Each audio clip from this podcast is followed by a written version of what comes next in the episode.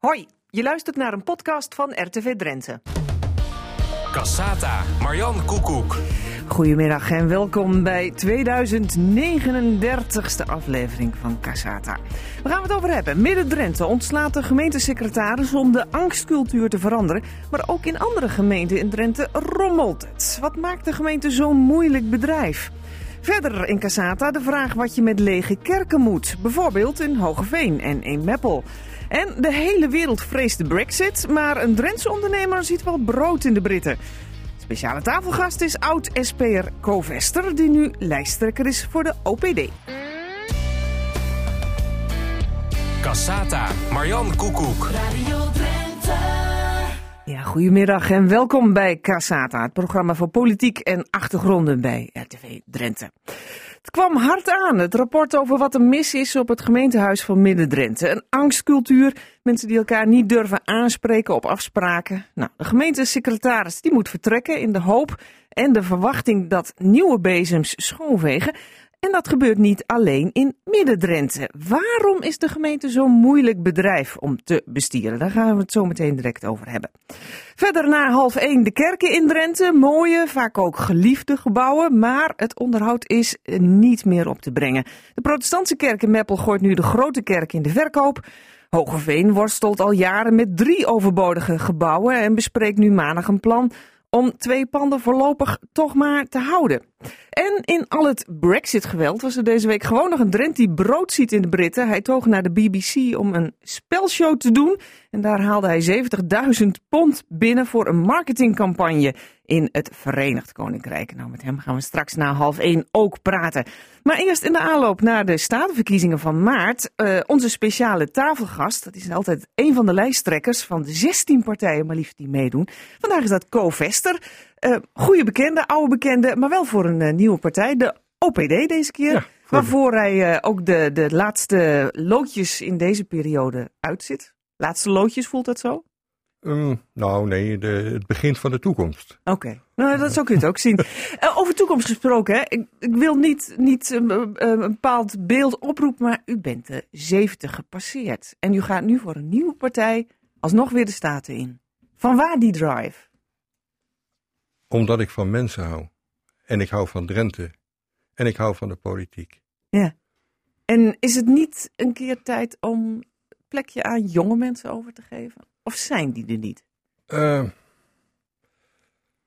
ja, wat een lastige vraag is dat. Nee, ik vind, uh, ik vind gewoon dat ik, uh, dat ik dit moet doen. Klaar af. En jongere mensen graag welkom. Ja. En maakt me niet uit. en, maar het is eenmaal zo dat ja, ik ben gevraagd daarvoor. En met mijn ervaring en kennis denk ik dat ik voor Drenthe en voor de politiek in Drenthe en voor de mensen in Drenthe voornamelijk veel kan betekenen. Maar u zegt ook, u moet dit doen. Voor mezelf, ja. Ja, ja wil ik, ik, ik, leef, ik leef, ik wil leven. Ja. En als je leeft, dan uh, maak je, ja, ik wil niet zitten kwijnend achter de geraniums, ik wil actief zijn. Ja. En mijn, uh, ik zeg maar, hoor, maar een deel van mijn leven is de politiek, dus blijf ik dat wel doen. Ja, nou bent u niet op een leuke manier bij de SP weggegaan, want ze wilden u niet meer als lijsttrekker. Ja, dan had u toch ook kunnen zeggen, nou, uh, eigenlijk wel klaar mee. Maar liever toch voor een nieuwe partij. Uh, ik vind het moeilijk om over het SP-verhaal te praten. Ik heb uh, geen behoefte om de vuile was buiten te hangen. Er zijn dingen gebeurd waar, uh, ja, waar, ik eigenlijk niet over wil praten. Um, het is niet zo, ja, dat is een heel ingewikkeld verhaal wat er moet gaan komen. En dan wil ik maar eventjes van verschonen. Gaat u nog iets bewijzen? Misschien ook wel richting de SP? Wilt u nog iets bewijzen? Nee, nee, nee. Ik heb uh, niks te bewijzen richting SP. Uh, dat, dat is helemaal niet zo. Oké, okay, u wilt Drenthe niet... iets bewijzen? Ik wil Drenthe, ik wil de politiek iets bewijzen. Ik wil opkomen voor de mensen in Drenthe. Mm -hmm. En een aantal... Toen ik vier jaar geleden, laat ik dat zo vertellen, vier jaar geleden nog wel voor de SP verder ging. Uh, toen was ik lijsttrekker, maar door mijn ziekte, door een operatie, ben ik toen lijsttrekker niet geworden. Uh, maar had ik de vraag ook, ga je door vier jaar? Wat wil je bereiken? En ik had toen twee dingen. Ik wil voor de, uh, ik wil de, jeugd een toekomst geven in Drenthe. En ik wilde wat voor de armoede gaan doen. Vier jaar lang is dat niet gelukt. Maar de, de gevolgen zijn alleen maar nog groter geworden van de armoede en, en de problemen omheen. Mm. Dus de kwij is niet af. Nee. En dat, en dat wil ik doorzetten. Ja. In ieder geval. En dan voor de OPD. U hebt al eerder in onze uitzending gezegd, de OPD eh, sluit een heleboel dingen aan bij waar u in de SP ook voor stond. Als u er niet was geweest, had de OPD dan ook meegedaan, denkt u? Ik denk van niet. Nee. U redt de partij een beetje? Mm. Eh, ja, misschien wel. Maar een partij, het is, ja, moet ik zeggen, het, bestond als een partij nog steeds. Ja. Eh, eerder gezegd slapende een beetje. En ze zagen een kans om toch eh, de verbinding weer tussen de lokale politiek en de provinciale politiek te verstevigen. Door mij te vragen, wil je daarmee aan de slag? En dat eh, heb ik graag opgenomen. Goed. Ik heb er wel over nagedacht hoor, en besproken. Nou, dat mag ik hopen, toch? Ja, nou, we gaan het inhoudelijk daar natuurlijk later eh, verder over hebben. Co-Vester dus, lijsttrekker voor de OPD bij de Statenverkiezingen. Eh 20 maart worden ze gehouden. Maar eerst, ander onderwerp. Het hoge ziekteverzuim en het grote verloop onder ambtenaren in Midden-Drenthe heeft een oorzaak. Zo bleek deze week uit onderzoek. Er heerst een angstcultuur op het gemeentehuis. De sfeer ja, is letterlijk verziekt, zou je eigenlijk wel kunnen zeggen. Maar het rommelt op meer gemeentehuizen, want net als in Midden-Drenthe moet ook in Borgeroodoorn de gemeentesecretaris het veld ruimen. naar klachten over communicatie. En het is allemaal niet voor het eerst dat het grondig mis is op een gemeentehuis in Drenthe. Want zo'n vijf jaar terug speelde dat ook in Tinalo. Vandaar dat ik het erover ga hebben met Gesine Pieters, destijds ook al raadslid voor de VVD in Tinalo. Welkom. En met uh, hoogleraar bestuursrecht Herman Breuring. Uh, mm, professor Breuring, wat maakt de gemeente nou zo'n ander bedrijf dan een andere organisatie? Laat ik vooropstellen dat het ontzettend leuk is om bij de overheid te werken. En als je in Den Haag op een departement werkt, dan is het bijvoorbeeld heel interessant omdat je dicht tegen de politiek aanwerkt. Het leuke van gemeente is dat je uh, rechtstreeks voor en ook heel dicht tegen de bevolking aanwerkt. Dus op zichzelf is het ontzettend leuk. Maar het is niet gemakkelijk, want uh, nou, er zijn allerlei gemeentes uh, groter geworden door fusieprocessen, wat nu ook in Groningen speelt. De Rente heeft dat gehad. Er zijn veel taken bijgekomen bij de gemeente in het sociale domein, dus de uitkeringen, de wet maatschappelijke ondersteuning, jeugdzorg. Ja, al die dingen die bij het Rijk hoorden, die komen nu ineens op het bordje van de gemeente. Die komen bij de gemeente terecht, maar wel voor uh, weinig geld. Dus dat geeft veel stress. Hoe los je dat op? Mm -hmm. zoiets komt ook nog voor wat betreft het fysieke domein, dus zeg maar het bouwen, uh, ruimtelijke ordening, milieu. Dus grote taken, te weinig geld. Je moet de kennis opdoen. Dat is een hele inspanning. Um, verder... Heeft het Rijk dit verkeerd ingeschat dan, toen ze die taken overhevelden? Want u zegt te weinig geld. Dan, je zou verwachten als je meer taken krijgt, dat je er ook in ieder geval de middelen voor krijgt. Ja, maar zo werkt dat vaak niet. En decentralisatie betekent vaak ook een bezuiniging. Mm -hmm. En dan zijn de gemeenten blij, want ze worden belangrijker. En uh, dat, nou ja, dat vindt men nou leuk. En minder geld, dat lost men dan te zijn tijd wel op. Maar dat geeft wel spanningen. En wat ik ook wel zie bij uh, gemeenten, uh, bij bepaalde organisaties, nog veel meer hoor, maar ook bij gemeenten. Uh, wat ook wel een beetje uh, uit elkaar groeit, dat is het management en zeg maar de professionals. Sommige organisaties hebben daar nog veel meer last van. Maar managers die, die sturen op, uh, op processen, die hebben het over producten en, en dat soort termen. Mm -hmm. Terwijl je ook, ook medewerkers hebt, die zijn echt met inhoud bezig. En dat gaat uh, soms erg langs elkaar heen. Dan begrijpt men elkaar gewoon niet meer. Ja. Uh, meneer Pieters, want u loopt al heel lang mee in de politiek. Uh, en u, u ziet ook hoe op, de, op het gemeentehuis in Tinalo, of in Fries in dit geval, dan eh, wordt gewerkt. Herkent u dat verhaal? Ja, hier, hier, ken, hier herken ik heel veel in. En ik denk dat er ook een heel belangrijk punt is dat onze samenleving vanzelf op een hele snelle manier verandert. En dat het binnen de overheid en vooral de lokale overheid die dicht bij die samenleving staat. Mhm. -hmm een cultuuromslag moet, moet, moet dan plaatsvinden. En cultuur is niet iets wat je met een knopje doet, wat je aan en uitzet en verandert. Nee. Ik denk dat dat een groot probleem is met wat er gezegd wordt. We hebben een andere, een andere aansturing door het managementteam, managementlaar. Dat zijn managers, die staan vaak wat verder van de materie af. Ik ken mensen die zelf zeggen dat een manager, dat het helemaal niet nodig is dat hij zijn product kent, maar moet managen. En in mijn beleving moet er een betrokkenheid zijn bij het product, bij de bevolking en bij de medewerkers die het moeten uitvoeren. En Want ik denk dat dat het grootste probleem is wat je steeds weer tegenkomt. Want dan is de gemeente dus wel degelijk een ander bedrijf dan een, een gewone organisatie. Juist gemeente- omdat, die af, omdat ze zo dicht bij de burgers Ja, staan. nou zeker. De gemeente, gemeente, dat is een heel ander bedrijf. Als je gewoon een commercieel bedrijf heeft, die heeft maar één belangstelling. En dat is continuïteit in zijn bedrijfsvoering. En daar moet je vaak winst van maken. Want anders is die continu, continuïteit niet geborgd. En de gemeente heeft een heel andere opdracht. Mhm. Dat is niet priori een gemeenschappelijk belang van Twents maken. Nee. Um, nou komt ook altijd weer terug communicatie. Daar gaat het altijd over. In Borgeroodoorn zien we dat nou ook. De gemeentesecretaris moet ook daar vertrekken naar klachten over de communicatie. Ook de politiek had daarover uh, geklaagd. Uh, wat kan de politiek verwachten wat dat betreft van de ambtenarij? Of is, ligt die rol met name bij de politiek zelf? Vraag ik eerst even aan meneer Breuring. Ja, nou ja, dat heeft wel direct te maken met waar we het zojuist over hadden. Het verschil tussen management en, en de inhoud. Uh, als het zo is dat een manager zich met de inhoud gaat bemoeien, dan moet je ook wel verstand hebben van die inhoud. En heb je dat niet, dan ga je vrij snel met, met details uh, bemoeien. Dan spreek je uh, professionals aan op ja, wat die professionals beter weten. En, en dan word je ook, ja, dat kan zelfs heel onaangenaam overkomen. Hè? En, en dan voel je je niet prettig bejegend. En dan ontstaan er ook bepaalde emoties. En dan, ja, dan, dan uh, zie je op een glijbaan de verkeerde kant uit. Ja, ja, ja. Als, als u als raadslid, uh, u hebt de ambtenarij no nodig, neem ik aan, om goede beslissingen te kunnen nemen. Zonder, ambtenaar, zonder ambtenarij kan, kan, de politiek, kan, kan de maatschappij niet ja. functioneren. Kunt u, kunt u schetsen hoe dat verloopt? Dat is gewoon in uw, ik zou zeggen dagelijks werk, dat is het natuurlijk niet, maar in uw praktijk? Het is geen dagelijks werk, maar nee. ik vind wel, en, en misschien is daar ook nog wel een probleem, dat de rolvastheid en de rolzuiverheid van Ten eerste het college, ten tweede de gemeenteraad.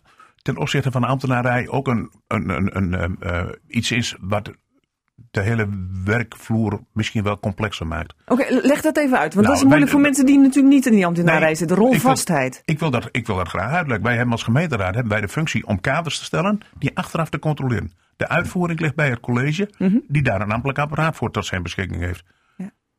Er zijn nog heel veel mensen, en ik denk dat meneer Vester dat ook zal ervaren in de provincie, op het politieke vlak, die denkt dat wij als raadsleden het werk ook nog zelf moeten doen. En dat is vanzelf volstrekt onterecht. Ja. Er is een uitvoeringsorganisatie, die moet je ook daarna beginnen om uit te voeren -hmm. binnen de kaders die wij gesteld hebben. Ja, ja. ja, nou ja, ja zo. Maar in mm -hmm. elk geval binnen de, binnen de kaders die, uh, die gesteld zijn. En daarvoor is, hebben we een college en vervolgens een ambtenaar naar wordt aangestuurd wordt door de directeur die vaak... Ja. Maar nou, u zegt rolvastheid. Uh, weten ze niet precies wat ze moeten doen?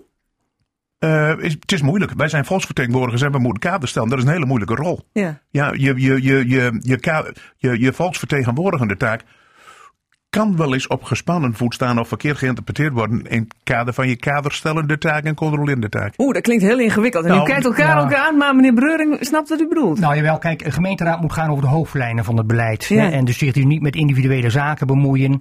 In, in het algemeen aangeven welke kant het op moet. Ja. En dat is het ook. Uh, zo gauw een gemeenteraad zich ook met individuele zaken, met details gaat bemoeien, dan zit men meer uh, in, in de rol van het uh, college van burgemeester en wethouders. Mm -hmm. Want die vormen dagelijk bestuur. Ja. En als dat soort dingen door elkaar gaan lopen, krijg je een ingewikkelde discussie. Hm. Uh, maar zoiets speelt ook nog wel in de relatie tussen bestuur en ook nog wel top van het management en de ambtenaren die het werk moeten doen. Want dat zijn de mensen met de, de inhoudkennis. En nou, laat ik een voorbeeld geven. Het, het komt wel voor dat, uh, dat een burger vraagt om, om handhaving, omdat iemand ergens heeft gebouwd zonder een vergunning. Nou ja, dan weet zo'n uh, ambtenaar dat je in principe ook moet gaan handhaven als er een overtreding is. Daar heb je ook juridisch niet zoveel keuze in. Mm -hmm. Maar het kan het best zijn dat een manager of een, of een wethouder zegt: ja, maar dit komt mij niet goed uit. Dat is een lastige. Ja. En dat is buitengewoon lastig. En hoe ga je dan met elkaar om? En als dat een enkele keer gebeurt, maar als dit soort dingen veel gebeuren, dan, ja, dan staan de verschillende rollen tegenover elkaar. En dan ja. is het lastig communiceren. En dat speelt natuurlijk eerder in gemeentes dan bijvoorbeeld in een provincie waar mensen wat verder weg staan van, van hun onderwerpen? Ja, hoewel er bij de provincie ook kan spelen hoor. Ja. Uh, en, en, en bij het Rijk kan het ook spelen. In ruimtelijke maar, ordeningszaken ja, bijvoorbeeld. heel veel zaken spelen. Ja. ja. Nou is dit vier jaar terug in Tinalo, uh, nou, misschien niet op deze manier aan de orde geweest, maar dat was ook een behoorlijke bestuurscrisis, ambtenarij uh, in paniek, een gemeentesecretaris die weg moest, een burgemeester die het uiteindelijk de kost heeft, kop heeft gekost. Hoe zijn jullie daar weer uitgekomen in Tinalo, meneer Pieters? Nou, met elkaar een, een constructieve opstelling kiezen en toch uh, met elkaar proberen om de toekomst in te gaan en een gemeente maar dat klinkt wel heel mooi. nou, maar dat is toch de enige instelling. En ik ga er steeds vanuit dat al die ambtenaren en al die mensen die er in de politiek zitten, met de beste intenties daarheen gaan. Er is niemand die bewust probeert de boel te frustreren. Mm -hmm. Ja, en, en Tinalo is er ook voor gekozen om het managementteam en de, aansturing op andere wijze in te richten. En in mijn beleving En wat er dan binnen mijn gezichtsveld gebeurt, is dat het uitstekende wijze gelukt. Ja, uh, gemeentesecretaris is vaak degene die eerst het veld moet ruimen. Midden-Drenthe kiest daar ook voor, maar ook Borg-Rodoorn dus. Uh, even voor, voor, duidelijkheid, de gemeentesecretaris, dat is zeg maar de, de, de, leider van de hele organisatie, de ambtelijke organisatie. Is daarmee ook het probleem uh, makkelijk opgelost? Nee. Nee, want ehm, dat zien we ook in Midden-Drenthe. Het, het, is een veel complexer probleem. Er spelen veel meer factoren. Um, dan los je het niet op met het uh, wegsturen van één persoon. Mm -hmm. Het heeft met cultuur uh, te maken, met uh, verhouding professionals en management. er is een, een, managementlaag, dus er moet veel meer veranderen. Um, en dat betekent ook dat het heel lastig is om het te verbeteren. Ja. Ja, ja, ja. En hoe, hoe zet je dat dan in? Want ze zeggen van ja, we moeten eigenlijk een heel nieuw, nieuw team bouwen. Dan moeten er misschien, misschien meer mensen weg of meer mensen van plek wisselen dat zijn de oplossingen waar je moet gaan, uh, gaan denken. Ja, ja, ja. precies. En daar moeten mensen ook de ruimte voor, uh, voor krijgen. Um, ik vroeg mij ook af, speelt dit in Drenthe nou meer dan in andere provincies? Omdat er zo'n aantal voorbeelden toch liggen van nou, wat recenter datum uh, waar, waar dit zo speelt. Dat durf ik zo niet te zeggen hoor, want er zijn veel meer voorbeelden waar dit soort problemen zijn. Um, um, ik zal niet al die voorbeelden langslopen, want dan zit je aan het eind van de dag nog. Soms heeft men ook een oplossing gekozen eh, nou, van een heel platte organisatie. Hè, dus geen grote afstand tussen eh, management en eh, zeg maar het uitvoerend personeel. Dat hebben we bijvoorbeeld in Noord-Holland gedaan bij de gemeente Hollandse Kroon. Met zelfsturing, allemaal prachtige begrippen. Maar ja, dan weet ook niemand meer wat, wat hij moet doen. Hè? Dus dat soort prachtige oplossingen in theorie blijken in de praktijk ook niet te werken. Dan krijg je dus met de beste bedoelingen ook toch wel bepaalde problemen. Mm -hmm. Dus het komt veel meer voor en uh, heel veel gemeentes hebben te maken met al die veranderingen waar we het uh, zo even over hadden. Nieuwe taken, minder geld, ja. fusieprocessen. Die speelt het breder. Dus het, dit ja. speelt vrij algemeen. Ja. Men zit gewoon in een heel uh, ja, veranderingsgevoelige omgeving. Mm. Er verandert erg veel. Ja. Nou had dit hele verhaal van Midden Drenthe gisteren ook nog een akelig staartje. Want uh, er is dus een onderzoek uh, gedaan en daarvan blijken ineens uh, van de samenvatting van de conclusies verschillende versies te zijn. En in de ene is wat weggestreept en de andere wat bijgezet. Met name ten aanzien van de rol van het managementteam. Hoe kwalijk is dat? Nou, ik denk dat dat gewoon een domme fout is, kan gebeuren. het is kwalijk in die zin dat het ja, olie op het vuur is. Hè. Het versterkt het wantrouwen. Ja. Um, of het inhoudelijk veel uitmaakt, uh, weet ik niet. Want uh, hoe dan ook, uh, het hele managementteam zal toch ook wel heroverwogen worden, zoals het dan in een van die versies staat. Dus het maakt denk ik verder niet zo heel veel uit mm -hmm. voor wat er veranderen moet. Nee. Nou ja, vijf jaar geleden dus in Tinalo aan hetzelfde aan de hand. Hoe is het inmiddels op het gemeentehuis te Vries? wat ik net al zei, binnen ja. mijn gezichtsveld en zoals ik het ervaar, is dat wordt er op hele constructieve wijze gewerkt. Wordt er veel werk verricht. En, en uh, je zit vanzelf wel met een nieuw managementteam dat er een nieuwe insteek is. Um, uh, het is weer fris en lang kansen voor mensen. Ik denk dat dat allemaal belangrijke dingen zijn om die gewenste verandering toch in werk te zetten. Ja, en um, dan moeten al die. Ik vroeg mij ook af, het is altijd moeilijk om in Drenthe gekwalificeerd personeel te vinden. Dat zien we in een heleboel andere sectoren, hè, zoals in de zorg en weet ik veel wat allemaal. Speelt dat ook op gemeentehuizen? Want ik kan me voorstellen, als je mensen de deur uitstuurt, dat je, dat je dan moeite moet vinden uh, om iemand anders te vinden. Is dat ook in, in de ambtenarij een onderwerp? Dat is zeker een onderwerp. Um, als je kijkt naar onze eigen uh, faculteit rechtsgeleerdheid in Groningen, maar je ziet het overal in het land. De overheid is gewoon niet zo populair onder de jeugd. Oh. Um, het geestig is, ik, ik heb ook een, een gastonderzoeker uit China uh, die ik begeleid. Nou ja, en daar is het natuurlijk geweldig om voor de overheid te werken. Het hoogste wat je kunt. Ja. Nou, vroeger was dat in Nederland ook wel zo. Maar tegenwoordig uh, zijn uh, ja, ambtenaren gewoon niet uh, populair. En waar dan ligt, daar probeer ik al decennia achter te komen. ik weet het niet precies. Het betekent wel dat we relatief weinig mensen, te weinig voor de overheid opleiden. En het is dus inderdaad wel lastig om goed gekwalificeerd personeel te vinden. Ja. Goed, maar ja, je zult toch af en toe moeten als je de hele boel weer wil opschudden en weer opnieuw wil neerzetten. Um, Herman Breuring, uh, hoogleraar bestuursrecht aan de Universiteit van Groningen. Dank u wel voor uw toelichting. Gesine Pieters, VVD-raadslid in Tinalen, ook bedankt. En graag tot de volgende keer.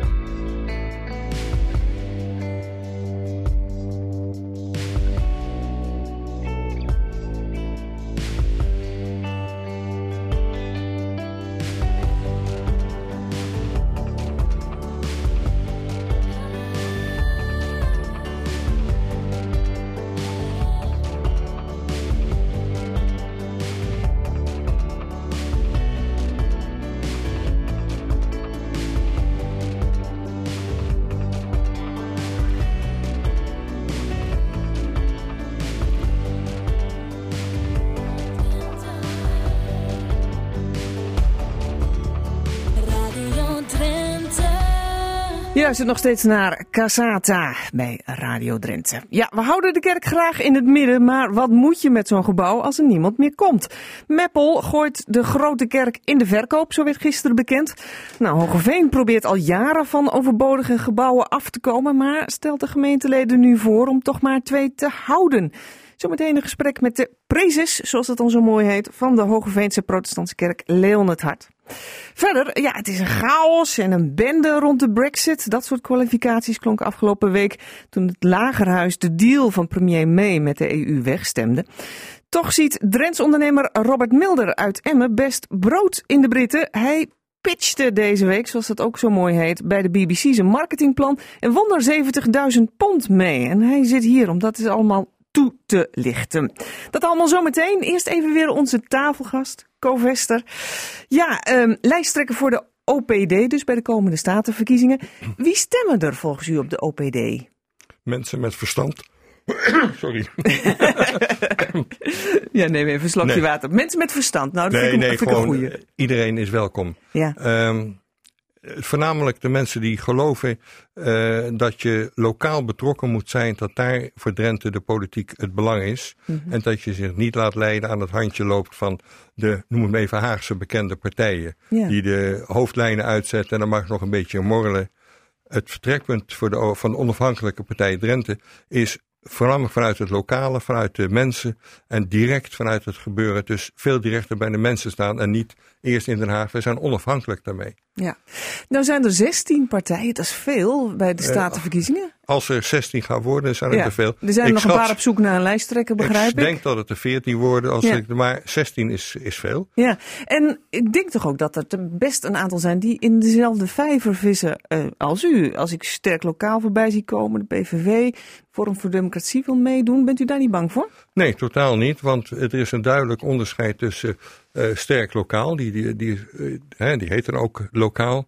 Maar we hebben duidelijke andere standpunten ten aanzien van lokaal. Er valt voor de mensen wat te kiezen Zoals? binnen het lokale gebeuren. Ja. Ik neem bijvoorbeeld, ja, ik, ik heb het verkiezingsprogramma voor Sterk Lokaal niet, dus ik mm -hmm. moet even. Uw eigen programma moet ook nog gemaakt worden. Nee hoor, nee, het is uh, opd.nl staat uh, ruim online alles, het programma en de actiepunten, alles is te vinden. Mm -hmm. Nou, waar verschilt het bijvoorbeeld met Sterk Lokaal? Als ik bijvoorbeeld idee, nee, uh, dat is bijvoorbeeld de verdubbeling van de N34. Mm -hmm. Daar zijn zij voor en wij zijn daar niet voor. Nee, en waarom niet? Omdat het, de argumenten die er gebruikt worden voor veiligheid zijn.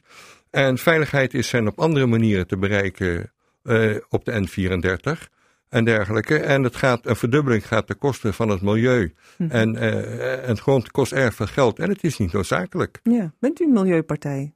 We zijn zeer voor het milieu. We zeggen duidelijk ook in het programma uh, dat ecologie is belangrijker dan economie. Mhm. Mm -hmm. Als je moet kiezen. Ja, goed. Nou, inhoudelijk hebben we een heleboel stellingen bedacht. Uh, Margriet is daar vorige week al mee begonnen. En uh, die komen na één uur uh, aan de orde. Daar zit de N34 ook tussen. Maar goed, die hebben we al even een beetje voorgesorteerd, zou ik maar zeggen. Straks na één uur gaan we daarmee verder. Ja, het blijkt nog niet eenvoudig om van een leegstaande kerk af te komen. Meppel maakte gisteren bekend dat de Grote of Mariakerk in de verkoop gaat. Nou, Hogeveen komt al een hele tijd met drie overbodige gebouwen, maar stelt maandag aan de gemeenteleden voor om er toch maar twee te houden. Aan de tafel hier Leon het Hart, de prezes van de protestantse kerk in Hoogveen, de voorzitter, zullen we zeggen? Ja, ja zo heet dat. Ja. Um, om maar met een uh, platte vraag te beginnen, uh, wat kost dat, zo'n kerkgebouw, een jaar onderhouden? Is dat per gebouw een, een beetje te zeggen?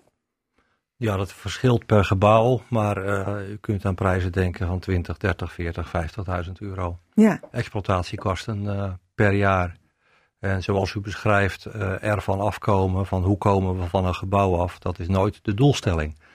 De doelstelling is dat die lasten omlaag moeten. Mhm. Als het gratis zou zijn, zouden we er graag in U zouden ze liever houden? Tuurlijk. Zelfs als er geen mensen meer komen? Uh, zelfs dan. Er zijn uh, kerkgebouwen die, uh, zoals de Mariakerk in, in Meppel. Ja. zo hebben we in Hogeveen ook gebouwen met een rijke historie. Ja. Die wil je niet kwijt. Nee, toch heeft de grote kerk, even kijken, zeg ik dat goed? Ja, die staat achter de Hoofdstraatkerk. Ja. Um, die wilde u verkopen aan een ondernemer? Zeker, maar niet om er vanaf te komen. Dat was een uh, gezamenlijk, uh, hij zou de eigenaar kunnen worden. En in gezamenlijk gebruik zou de wijkgemeente daar nog steeds zijn diensten kunnen houden. En uh, met een ruime maatschappelijke functie zou het gebouw nog steeds functioneren. Met, met behoud van de historische kwaliteiten, met behoud van de diensten op zondag, maar met een, een dubbel gebruik. Ja. Ook voor doordeweekse activiteiten. Ja, waarbij ook horeca werd genoemd en dat ging heel veel gemeenteleden te ver. Horeca is uh, suggestief omdat de, de eerste koper een horecabedrijf heeft, mm. maar zijn bestemming was geen horeca. En ja, dat is lastig uitleggen. Dat je denkt, ja, de, de suggestie dat hij dat zou willen, uh, die lag voor de hand. Maar in alle gesprekken die we gehad hebben, is dat nooit de bedoeling geweest. Mm -hmm. Nee, toch, het bod is nu van tafel, omdat de gemeenteleden toch wel heel moeilijk vonden het idee om, om die grote kerk te verkopen. De redenen liggen anders. De koper heeft zich teruggetrokken. Mm -hmm. Om reden van uh, maatschappelijke ontwikkelingen rond bouwen. Uh, de termijnen gaan langer duren, de kosten gaan omhoog. En uh, hij heeft zich om andere redenen teruggetrokken. Had dat niet te maken met het, uh, ja, de, de, de nee, het verzet, ja, laat ik zo zeggen, die er binnen de nee, kerkleden daarover Geen woord over gesproken. Nee. Okay. Maar, ja. maar grote kerk is een van de kerken waar het over gaat, hè? Klopt. Ja, dat is een, een, een monumentaal pand. Ja, ja staat er al vanaf uh, 1650, 1700. Dus uh, een rijke historie en daar hebben we ook respect voor. Ja, en als ik u zo hoor, eigenlijk wilt u ook het liefst dat dat gewoon een kerk blijft. Ja, natuurlijk. U, u, deelt dat gevoel ja, natuurlijk nee, met uw kerkleden. Het, het, het, gebouw heeft uh, voor veel mensen een emotionele waarde. In de eerste plaats voor de gemeenteleden die er uh, wekelijks komen. Maar ook voor bewoners van Hogeveen. Mm -hmm. Het zou voor veel mensen ook niet kerkelijk een ramp zijn als de kerk, uh, ik zeg maar iets lelijks, gesloopt zou worden. Of Mhm. mm -hmm. als er een winkel in zou komen of een tapijthal. Dat je denkt, ja, er zijn verschrikkelijke voorbeelden te noemen. Ja. Waar uh, heel Hogeveen tegen zou zijn. Er zijn wel kerken verbouwd tot woningen, bij mijn weten. Ja. ja. Dat is dat is, een uh, optie? Zou dat voor u een optie zijn? Niet voorliggend. Nee, maar Nee. Zou, hoe zou dat binnen uw gemeente vallen? Ik denk slecht. Ja. Ja, zeker voor die grote kerk denk ik. Dat is uh, niet de plek waar je dat in de eerste plaats zou willen. Omdat het ook een, een mooie ruimte is om samen te komen. Om concerten uh, te beleven. Om tentoonstellingen te hebben. Om bij wijze van spreken de burgerlijke gemeente zijn, zijn, zijn nieuwjaarsreceptie te laten houden. En een kerk is ook een plek waar je maatschappelijk gezien terecht kunt. En dat is niet allemaal te voorspellen. Maar uh, ik noem een voorbeeld Volendam, wat iedereen misschien nog wel kent. Toen daar brand was, dat uh, de Rooms-Katholieke Kerk daar een, een baken van veiligheid was voor mm. alle mensen die er waren. De pastoor van de kerk heeft daar na de brand ontzettend veel mensen kunnen opvangen. Ja. Alfa aan de Rijn met zijn schietincident. Daar heeft een, een, een lokale kerk heeft heel dichtbij mensen in, in verwarring kunnen opvangen. Dat je denkt, ja, dat is, dat is meer dan alleen maar een gebouw dat je denkt, wat kun je ervan maken? Het is ook een, een, een veilige haven. Maar ja, je hebt daar bijna rampen voor nodig. Willen mensen nee, zich daar, voelen? Want u kijk, noemt... Nee, daar kijk je niet naar uit. Daar nee, kijk je niet natuurlijk naar niet. Nee. nee. maar ik bedoel, het is niet reëel om... om het in de huidige samenleving uh, dat te verwachten. Nee, nee, maar wat ik zeggen wil, als u zegt uh, uh, verbouwen een kerkgebouw tot woningen, dan is die functie weg. Mm -hmm. Ja, en die krijg je ook nooit meer terug. Die krijg je niet meer terug. Nee. nee. Dus in die zin, ook daarom zegt hij van nou, dan maar niet. Maar uw keuze is nu, u legt het maandag aan de gemeenteleden voor, om dan maar die twee gebouwde grote kerk uh, en de Oosterkerk. En de Oosterkerk, ja. De keuze die voor ligt is om meer tijd te nemen om de herbestemming of het voortgaand gebruik uh, qua exploitatielasten te onderzoeken. Uh, en die twee jaar extra hebben we nodig om uh, nauwkeurig de alternatieven naast elkaar te leggen. Ja. En wat daar inhoudelijk uitkomt, daar wordt maandag niet over gesproken. Maar het lukt dus gewoon niet om, uh, ja, om daar een makkelijke oplossing voor te vinden. Het is niet eenvoudig. Nee. Nee, nee, het simpel was, dan hadden we het al bedacht. Ja. Ik kan me voorstellen dat je ergens uh, vanuit een gemeenschap van mensen die zeggen van nou ja, ik, ik vind die kerk gewoon mooi en het hoort bij ons dorp of het hoort bij onze stad, dat je dan de oude gebouwen met name wil bewaren houden als kerk? Dat ligt uh, in het verlengde van waar we het net over hadden. De historische panden hebben Mhm. mm -hmm. een, uh, een, voorkeur. Maar en... is dat ook uh, vanuit, vanuit de kerk een logische gedachte? Want in, in centra van steden wonen niet altijd de meeste kerkleden. Ja, in dit, in dit geval wel. De leeftijd verschilt wel. Mm -hmm. En qua historie onderschrijf ik het punt dat een, een, een, kerk in de binnenstad als kerk in stand mag blijven. A la Mariakerk in Meppel. Het zou toch dom zijn om daar uh, iets anders van te maken of om hem te slopen. Denk, daar moet je niet aan denken. Dat, is, dat, past in dat het zou ook niet reëel zijn, dat slopen. Nee, dat maar, is niet nee. reëel. En in, de, in buitenwijken ligt dat misschien meer voor de hand. Maar ook daar, de functie die ik net beschreef, de maatschappelijke functie, het samenkomen. En ook voor uh, mensen die misschien niet zondags uh, wekelijks in de kerk komen, maar rond een kerstnachtdienst. Mhm. Komen opeens mensen uit de buurt weer wel in de kerk. Ja. En dan, dan is een kerk ook een buurtkerk. Ja. En dan is ook een kerk in een buitenwijk functioneel. Ik Ja. wil ook wat zeggen. Zeker. Als niet-kerkbezoeker vind ik dat een kerk geeft het aanzicht van een stad, als Hogeveen ook. Mhm. En die moet er gewoon blijven, die hoort er gewoon bij. Die doe je niet weg. Sowieso niet. Zowel interieur als exterieur. Die hoort gewoon bij je leefomgeving. Mhm. Maar wa- waar ligt de grens dan? Ik ben wel eens in een kerk geweest waar inderdaad een, een, een terrasje zat. Dat was in, in, in, ergens in Holland, in Alkmaar. Of, eh, weet je wel, daar, daar is dan een leuke kunstzinnige tentoonstelling en daar kun je wat drinken. Ik kom zelf uit een, uit een christelijke traditie en vind dat toch altijd een beetje raar. Maar waar ligt voor u beiden dan de grens, meneer Vester, meneer Het Hart? Nou, vanavond eh, treedt eh, in Anlo eh, het eh, koor Nice and Loose, gewoon het eh, dames- en herenkoor uit het dorp, geven daar een concert in de kerk. Ja. Hartstikke leuk. Wat is er mooier om het gebouw zo te gebruiken. En daar zit ik vanavond. Niet Ja. als kerkganger, maar om te genieten van het koor. Ja. Dus, en, en, maar, en als het gaat over, ja, wat kost het? Molens onderhouden we ook. We willen molens bewaren, die bepalen ook een aanzicht. En ik moet er niet aan denken dat de kerktorens die je van verre af ziet, dat die weggaan. Die horen erbij. ja. En waar ligt voor u dan de grens, meneer Hart? Eh, in, het, in het gedeeld gebruik. Want een, eh een, een door de wees gebruik met een mooi concert, dat hoeft niet per se religieus te zijn. In de aanloop naar een, eh, een gezamenlijk gebruik hebben we daar wel over gesproken. De activiteiten moeten niet aanstootgevend zijn. Mhm. Als het de goede smaak niet Dat is bederft. nog altijd ook een moeilijke natuurlijk. Ja, maar het, dat is al veel ruimer dan dat het per se religieus-christelijk moet zijn. Ja. En u gunt u zelf nog twee jaar de tijd om daarover na te denken met deze kerken. Ehm, hebt u een plan? Er zijn diverse plannen. Kunt En u daar al iets over vertellen? Nee.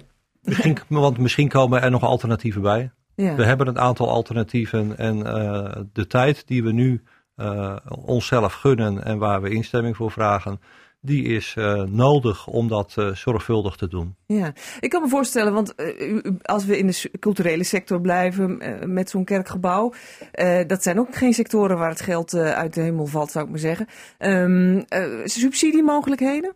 Onderzoekt u dat? Is al onderzocht, is, is mager. Hmm. Want ook daar, de stichting Drentse Oude Kerken is wel bereid om mee te denken en mee te werken. Maar qua financiën is dat geen vetpot. Nee. Is dit iets wat u überhaupt eh, eh, ehm, met andere gemeenten bekijkt? Of is dit iets wat u helemaal in uw eigen houtje in Hogeveen eh, moet oplossen? In Meppel speelt het dus ook en het heeft een heleboel gemeenten natuurlijk dezelfde problematiek. Ons college kerkrentmeesters heeft wel meerdere contacten in de regio. Daar ben ik dan weer niet bij. Maar eh, het probleem is vergelijkbaar en de oplossingen zijn divers. Want eh, er zijn gemeenten, iets verder weg, Deventer bijvoorbeeld, heeft er ooit voor gekozen om alle buitenkerken, de, de wijkkerken te sluiten en zich te concentreren op de ene eh Lebuinuskerk, als ik hem goed zeg. Dat is de enige Ook een soort die- grote kerk van ja, ook een soort grote kerk. Die staat daar nog. Die is goed gerestaureerd. Die is eh, goed voorzien van allerlei gemakken en faciliteiten. Mhm. Eh, broodjes, koffie, bibliotheek, stilteruimte, concerten. Die kerk die, die floreert enorm omdat het er één is. Mhm. En dat, dat is een keuze. Dat je denkt, Ja. dat willen we. En er zijn gemeenten die zeggen, nee, wij, wij gaan voor diversiteit. We willen bij de mensen blijven. We willen in de wijken blijven. Ja, die modellen zijn wel bekend. Je kunt het een doen, je kunt het ander doen. Maar niets doen is ook geen optie. Nee. En ehm, de Protestantse Kerk Nederland, dat is natuurlijk ook een landelijke organisatie. Stuurt die hierin of laat u... Nee, stuurt niet, adviseert wel. Geeft, geeft ook mede adviezen.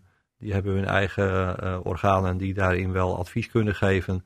Maar stuurt niet in bepaalde richting uit. Nee, Nee. goed. Maandag komt het aan de orde bij uw eh, eh, kerkleden. Ehm, zullen ze hiermee akkoord gaan, het plan om het dan maar twee jaar nog even vol te houden? Dat mogen ze zelf vertellen. Nee, maar daar Ja, is, daar is deze avond voor. Eh, we hopen dat, het, dat ze instemmen. Dat zal natuurlijk het enige financieel het een en ander betekenen. Of, Tuurlijk, als wij voor twee jaar twee gebouwen weer de exploitatie moeten toevoegen, dan kost dat geld. Maar dat is verantwoord. Die Mhm. ruimte is er. En de vraag is of mensen hiermee instemmen en zeggen: ga zo door. ja, u koopt u zelf nog een beetje tijd. Zo is het. Goed. Leon het Hart, de voorzitter, de prezes van de Protestantse Kerk in Hogeveen. Dank u wel. Cassata. Altijd in de buurt. Radio Drenthe. Ja, Europa ziet met angst en beven de brexit tegemoet. Zeker nu dat een uittreden zonder enige onderlinge afspraak lijkt te worden. Zo niet, denk ik, Robert Milder van Van Sant Innovations in Emmen. Hij deed mee aan een spelshow van de BBC. Sleepte daarmee 70.000 pond in de wacht voor een marketingcampagne in het Verenigd Koninkrijk in Groot-Brittannië. Zijn bedrijf Van Zand in Emmen maakt meubilair uit hergebruikt plastic. Goedemiddag. Goedemiddag. U bent niet bang voor de brexit? Ik ben niet bang voor de brexit. Waarom niet? Um, ja, waarom niet? Um, dat is eigenlijk wel heel erg lastig te zeggen. Maar wij doen eigenlijk meer zaken met ook andere landen waar ook de grenzen zijn. En ook uh, andere tarieven gelden voor ons meubilair. Mm -hmm. Tuurlijk kwam het ons wel een beetje als een uh, verrassing. Nou, niet als een verrassing dat het zou gebeuren. Maar dat je dan net zondag die aflevering hebt. En twee dagen later wordt de brexit helemaal weggestemd. Dat kwam dus wel eventjes koud op ons dak. Uh, maar goed, we gaan met uh, degene die ik gekozen heb, Deborah Meaden, gaan we in overleg aan uh, ja, hoe gaan we onze prijs aanpassen. En ja, er zijn uh, eigenlijk twee verschillende opties. even even terug, kunnen. hè. even Ja. vertellen over het spelprogramma. Mensen die het niet hebben gezien. Het werd uitgezonden op de BBC. Was het live trouwens? Nee, het was, Was live. Nee, nee, het was niet live. Sorry, was het was, opgenomen. was opgenomen. Ja. Ja. Dus ik wist, eh, ik moest eh, behoorlijk lang mijn mond houden wat de uitslag zou zijn. Oké. Ja. Ehm, maar, maar het is een spelprogramma en Ja. daarin eh, kon u geld vergaren, ja, het is, het is een, het is een programma met eh, vijf eh, multimiljonairs. Waar je dan, da- da- daar doe je een, een, een pitch voor, Mhm. voor met, je, met je onderneming. Ja. Ehm, Je presenteert jezelf Ja. en je zegt ik heb een plan en ik wil ik presenteer jezelf. Je, je wordt volledig afgebrand als het een beetje tegenzit. Ja. Nou, dat geluk had ik dus dat ik dus niet afgebrand werd. Een heel klein beetje maar. En ja, vier van de vijf multimiljonairs deden mij een, eh, een, een bod. Op, eh, met allerlei verschillende extra opties. Ja, want die zagen wel Ja. brood in hergebruikt plastic. Ja, die Ja. zagen brood in het eh, meubilair wat wij maakten. En die, zoals je het ook al in de aflevering kunt zien, is dat ze heel veel mogelijkheden zien bij overheden en bij corporate industry en hospitality om daar meubels te gaan verkopen. Hoe kwam u nou op het idee om daaraan mee te doen? Ik bedoel, er zijn mensen die met voice kits of weet ik veel wat allemaal meedoen. Ja, maar ik, op ik dacht in eerste instantie dat het de Voice was, dus ik ging al zingen, maar nee. Ehm, nou ja, wij hebben al een internationale markt en eh, elk, eh, elk eh, extra zetje is natuurlijk heel erg belangrijk. En ik zag eh, dat het, ja, het programma had ik al een paar keer eerder gezien. En ik nou, dat is heel interessant. Sowieso al eh, omdat er 3 miljoen eh, Britten kijken. Daarnaast wordt het eh, achteraf ook nog heel veel bekeken op YouTube. Dus we hebben eigenlijk die, die overwinning hebben we al. Mhm, Ook al zou ik helemaal afgebrand worden. Dat, dat was al gegarandeerd. mhm. Ehm, ja, en dan natuurlijk het netwerk wat de ondernemers hebben is, is gigantisch. En dat is niet alleen in, in het Verenigd Koninkrijk. Die hebben ook over de landsgrenzen hebben ze ook verschillende ondernemingen en verschillende Mhm. contacten, wat, wat dus ook helpt. Ja, hoe belangrijk is Groot-Brittannië of Verenigd Koninkrijk als, als markt voor u? Nou, die is, die is vrij groot. Je hebt natuurlijk in Londen heb je heel veel ehm, eh, ehm, hotels die eh, heel erg ehm, eh, aant- aantrekkelijk zijn als klant. Mhm. Je hebt ja, heel veel eh, overheids... Maar kunt u Eh, aangeven hoeveel handelt u met, met Groot-Brittannië en met andere EU-landen? Of Nou ja, eh, dat- Amerika, ik weet het niet. Dat is nu dus het begin. Ja, Amerika is onze, onze grootste klant eh, tot nu toe. Is het Mhm. eigenlijk altijd geweest. Maar ook daar, ook daar kwamen we natuurlijk in een heel erg raar vaarwater met de verkiezingen van Trump. Ehm, dus eigenlijk zijn we al rare situaties u weet wel een beetje hoe het werkt. Ja, ik weet al een beetje hoe het werkt. Is dat echt een groot verschil geweest, de verkiezing van Trump?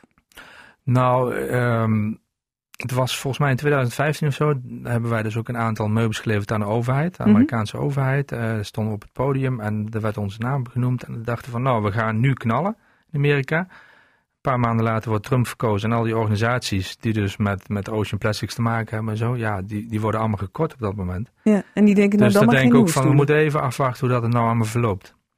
Dus eh, ja, dus we weten eigenlijk een beetje hoe het is om, eh, om dat sommige organisaties politiek afhankelijk zijn. Nou, in, in Engeland is het nu natuurlijk zo dat eh, tarieven voor, voor allerlei goederen, ja, die gaan waarschijnlijk omhoog. Maar dan, daarnaast, we hebben natuurlijk nog wel, daar hebben we ook heel goed over nagedacht, dat we nog andere opties eventueel hebben. En dat is het onder licentie produceren in Engeland. Mhm. Dus dat we in samenwerking met eh Deborah, de, de dame die ik eh destijds Die u gekozen geld heb, wil Ja, eh, die investeren. heel enthousiast is. Eigenlijk allemaal waren ze enthousiast. Maar die dus heel enthousiast is om, om iets te doen met ons. Ja. Ja, om daar eens te gaan bekijken van kunnen we dan niet lokaal. Kijk, ook daar is het plastic probleem. ook daar zijn ze nu natuurlijk op zoek naar werkgelegenheid. Uh, dat. Ja, en misschien moeten we dat, die opties wel eens gaan bekijken. Ja, onder licentie produceren, dus in het land zelf ja. uh, hetzelfde doen als wat u in Emmen doet. Ja, ja. ja. Is, is dat plan echt opgekomen door het hele gedoe met Brexit? Of was dat, lag dat nou, al eerder? Dat heeft, ja, dat, dat, dat lag al een beetje eerder. Omdat je, nogmaals, overal in de hele wereld heb je hetzelfde probleem. Met plastic afval, met werkgelegenheid en met uh, leuke producten die wij maken.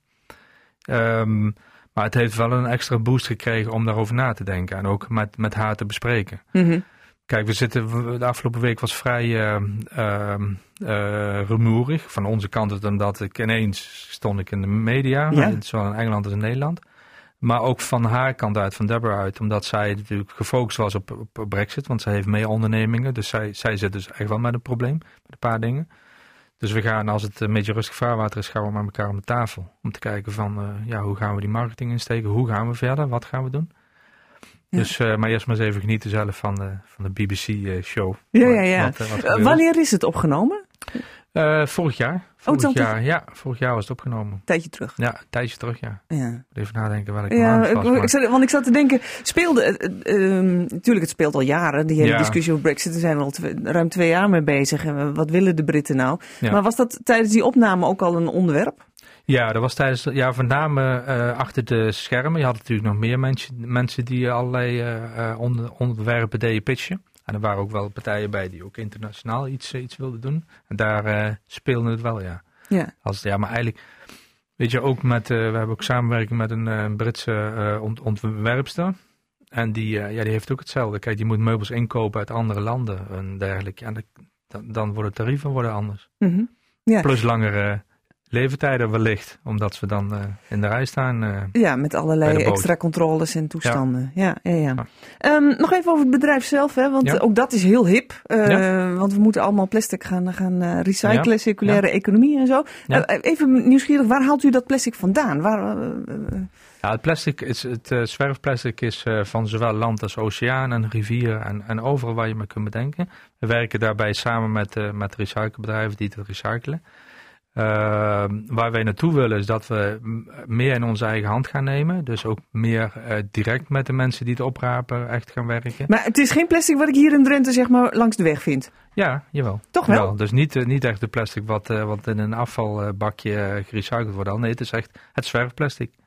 Wat dus eh, verzameld wordt door, eh, door allerlei organisaties. Ja, ja, maar wie, Ja. wie verzamelt dat dan in zulke grote mate dat u daar meubels van kan maken? Nou, laten we zeggen, grote mate. Het is inderdaad te veel eigenlijk eh, dat, wa- wat er is.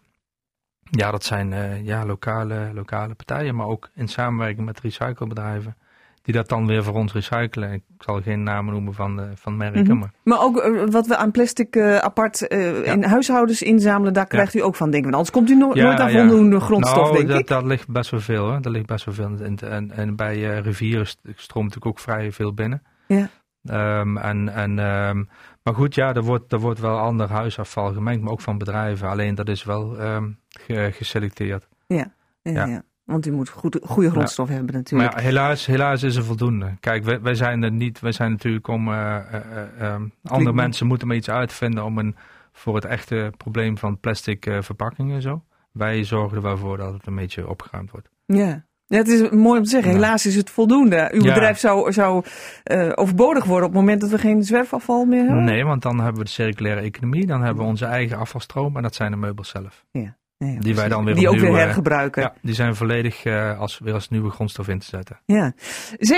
70.000 pond. Ja. Dat is een behoorlijk bedrag wat hij zo even binnen schraapt. Ja, Het, het is een Ja. investering, is het een gift? Is het, nee, het je is, het is een investering. Het is een investering. Het is ja. voor eh 15%.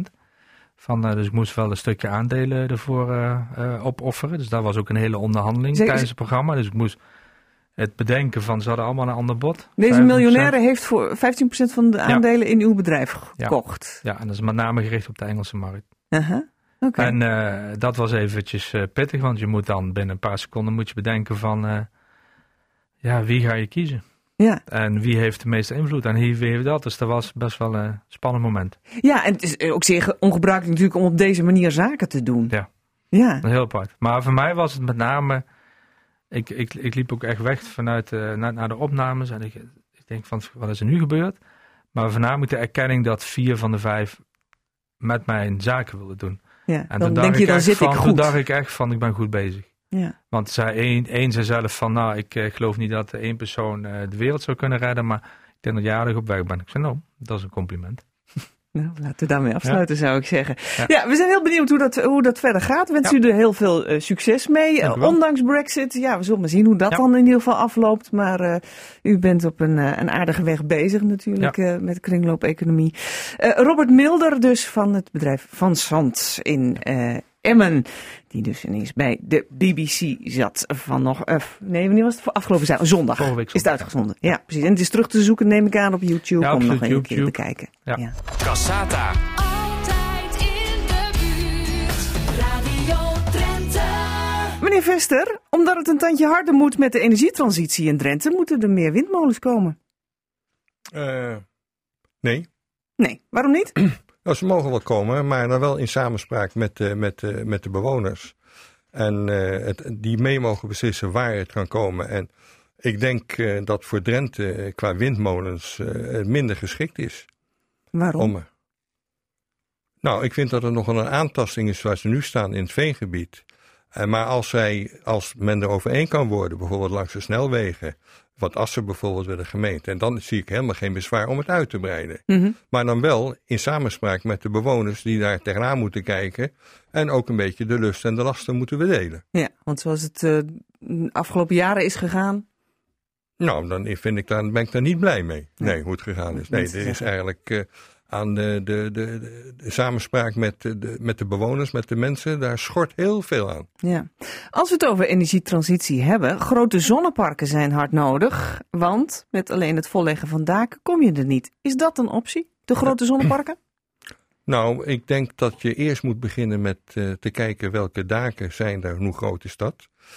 En als we dat aan gaan leggen, dan krijgen we gelijk de vraag, en als we erop liggen, kunnen we het wel leveren aan het energienet? Ja, dat Dus is dat een eh, eh, actueel zet even een rem erop. Ja. En als tweede denk ik dat er eh, misschien ook stroken zijn of plaatsen zijn waar je toch eh, kunt nadenken zonder dat je het, eh, daar landbouwgronden voor hoeft in te leveren of natuur hoeft voor in te leveren. Of er ergens gebieden zijn, grondgebieden. Ik weet gewoon van een oud eh, vloeiveld wat er gewoon eh, was wat we wilden leggen. Er zijn dus wel alternatieven mogelijk. Mhm. Maar om daar natuur of landbouwgrond aan op te overen, denk ik dat dat heel ver weg is. Kan de provincie daar meer regie in uitoefenen trouwens? In die hele zonneparken discussie? Want ja, wildgroei is er ook geweest. Nou, ik vind dat de mensen daar regie over moeten voeren. Veel meer het accent moet liggen. In de samenspraak met gemeenten en, en dergelijke. En eh, de, de, de, de, eh, ik denk dat de voorwaarden scheppend zou de overheid daar eh, en de provincie daar eh, wat mee eh, kunnen doen. Mhm. Ja, Als hulp, als als hulp. steun. Maar u zegt mensen zelf, dan krijg je dus een ondernemer die zegt ik heb een mooi plan voor zoveel hectare. En daar zijn, is lang niet iedereen het mee eens. Nee, maar dat, dat wordt wel bespreken. Ik, ik zeg net, als er een ondernemer is die zegt van ik ga naar de grote asbestdaken, die moeten toch vervangen worden. En we Mhm. kunnen nog geld krijgen voor zon voor asbest. En we gaan daar een groot eh, eh, zonnepanelen opleggen. Dan ben ik dat, als dat een ondernemer is, vind ik dat prima. Het gebeurt nu ook. Eh, Ik geloof dat een van de, van de Enexis of de andere energiemaatschappijen het op die manier aanbiedt bij, bij boeren. Ja. Ehm, ander onderwerp. Drenthe moet trots zijn op een eredivisieclub als FC Emmen. Nieuw stadion mag provinciaal geld kosten. Eh, heel voorzichtig. Nou, als het in het stadion gaat, dan denk ik dat je het gerechtvaardig is dat je als een provincie daar een bijdrage aan doet. Als het gaat eh, dat we de FCM als spelers, als club moeten subsidiëren, dan zeggen wij nee. Mhm. Ik, eh, het geld wat er is voor sportbeoefening, denk ik, moet aan de breedte sport gegeven worden. Ieder amateurclub, en of het nou een handboogschietclub is of eh, wij spreken een biljartclub, mag er van mij, eh, zouden we moeten doen, als het heel erg breed is. Eh, het dammen, het schaken wat er is, maar ook andere atletiek en dergelijke. In de breedte zou het moeten steunen. En als het om een accommodatie gaat, dat die van, dan denk ik dat daar. Hetzelfde zit je eigenlijk met het ijsstadion in, in, eh, in ijsbanen en dergelijke. Mhm. Dat je daar eh, als eh, overheid in meedeelt. Ja, een soort voorwaarden scheppend. Ja. ja. En het, het stadion in Emmen, als het is, dat is niet alleen voor het voetballen, maar dan is het voor veel breder gebruik bedoeld. Mhm. Dus het FC Emmen stadion is ook voor andere doeleinden. En daar zou ik wel voor voelen. Blijven we even bij de sporten Formule 1. Ja, leuk moet, moet naar het TT-circuit. Ook als het geld kost. Nee. Ah. Nee, nee. Ik vind eh, dat, eh, ik noem het even professionele sporten of beroepssporten. Het is de vraag of F1 een sport is, autoraces. Ja, Ja, vind ik wel hoor.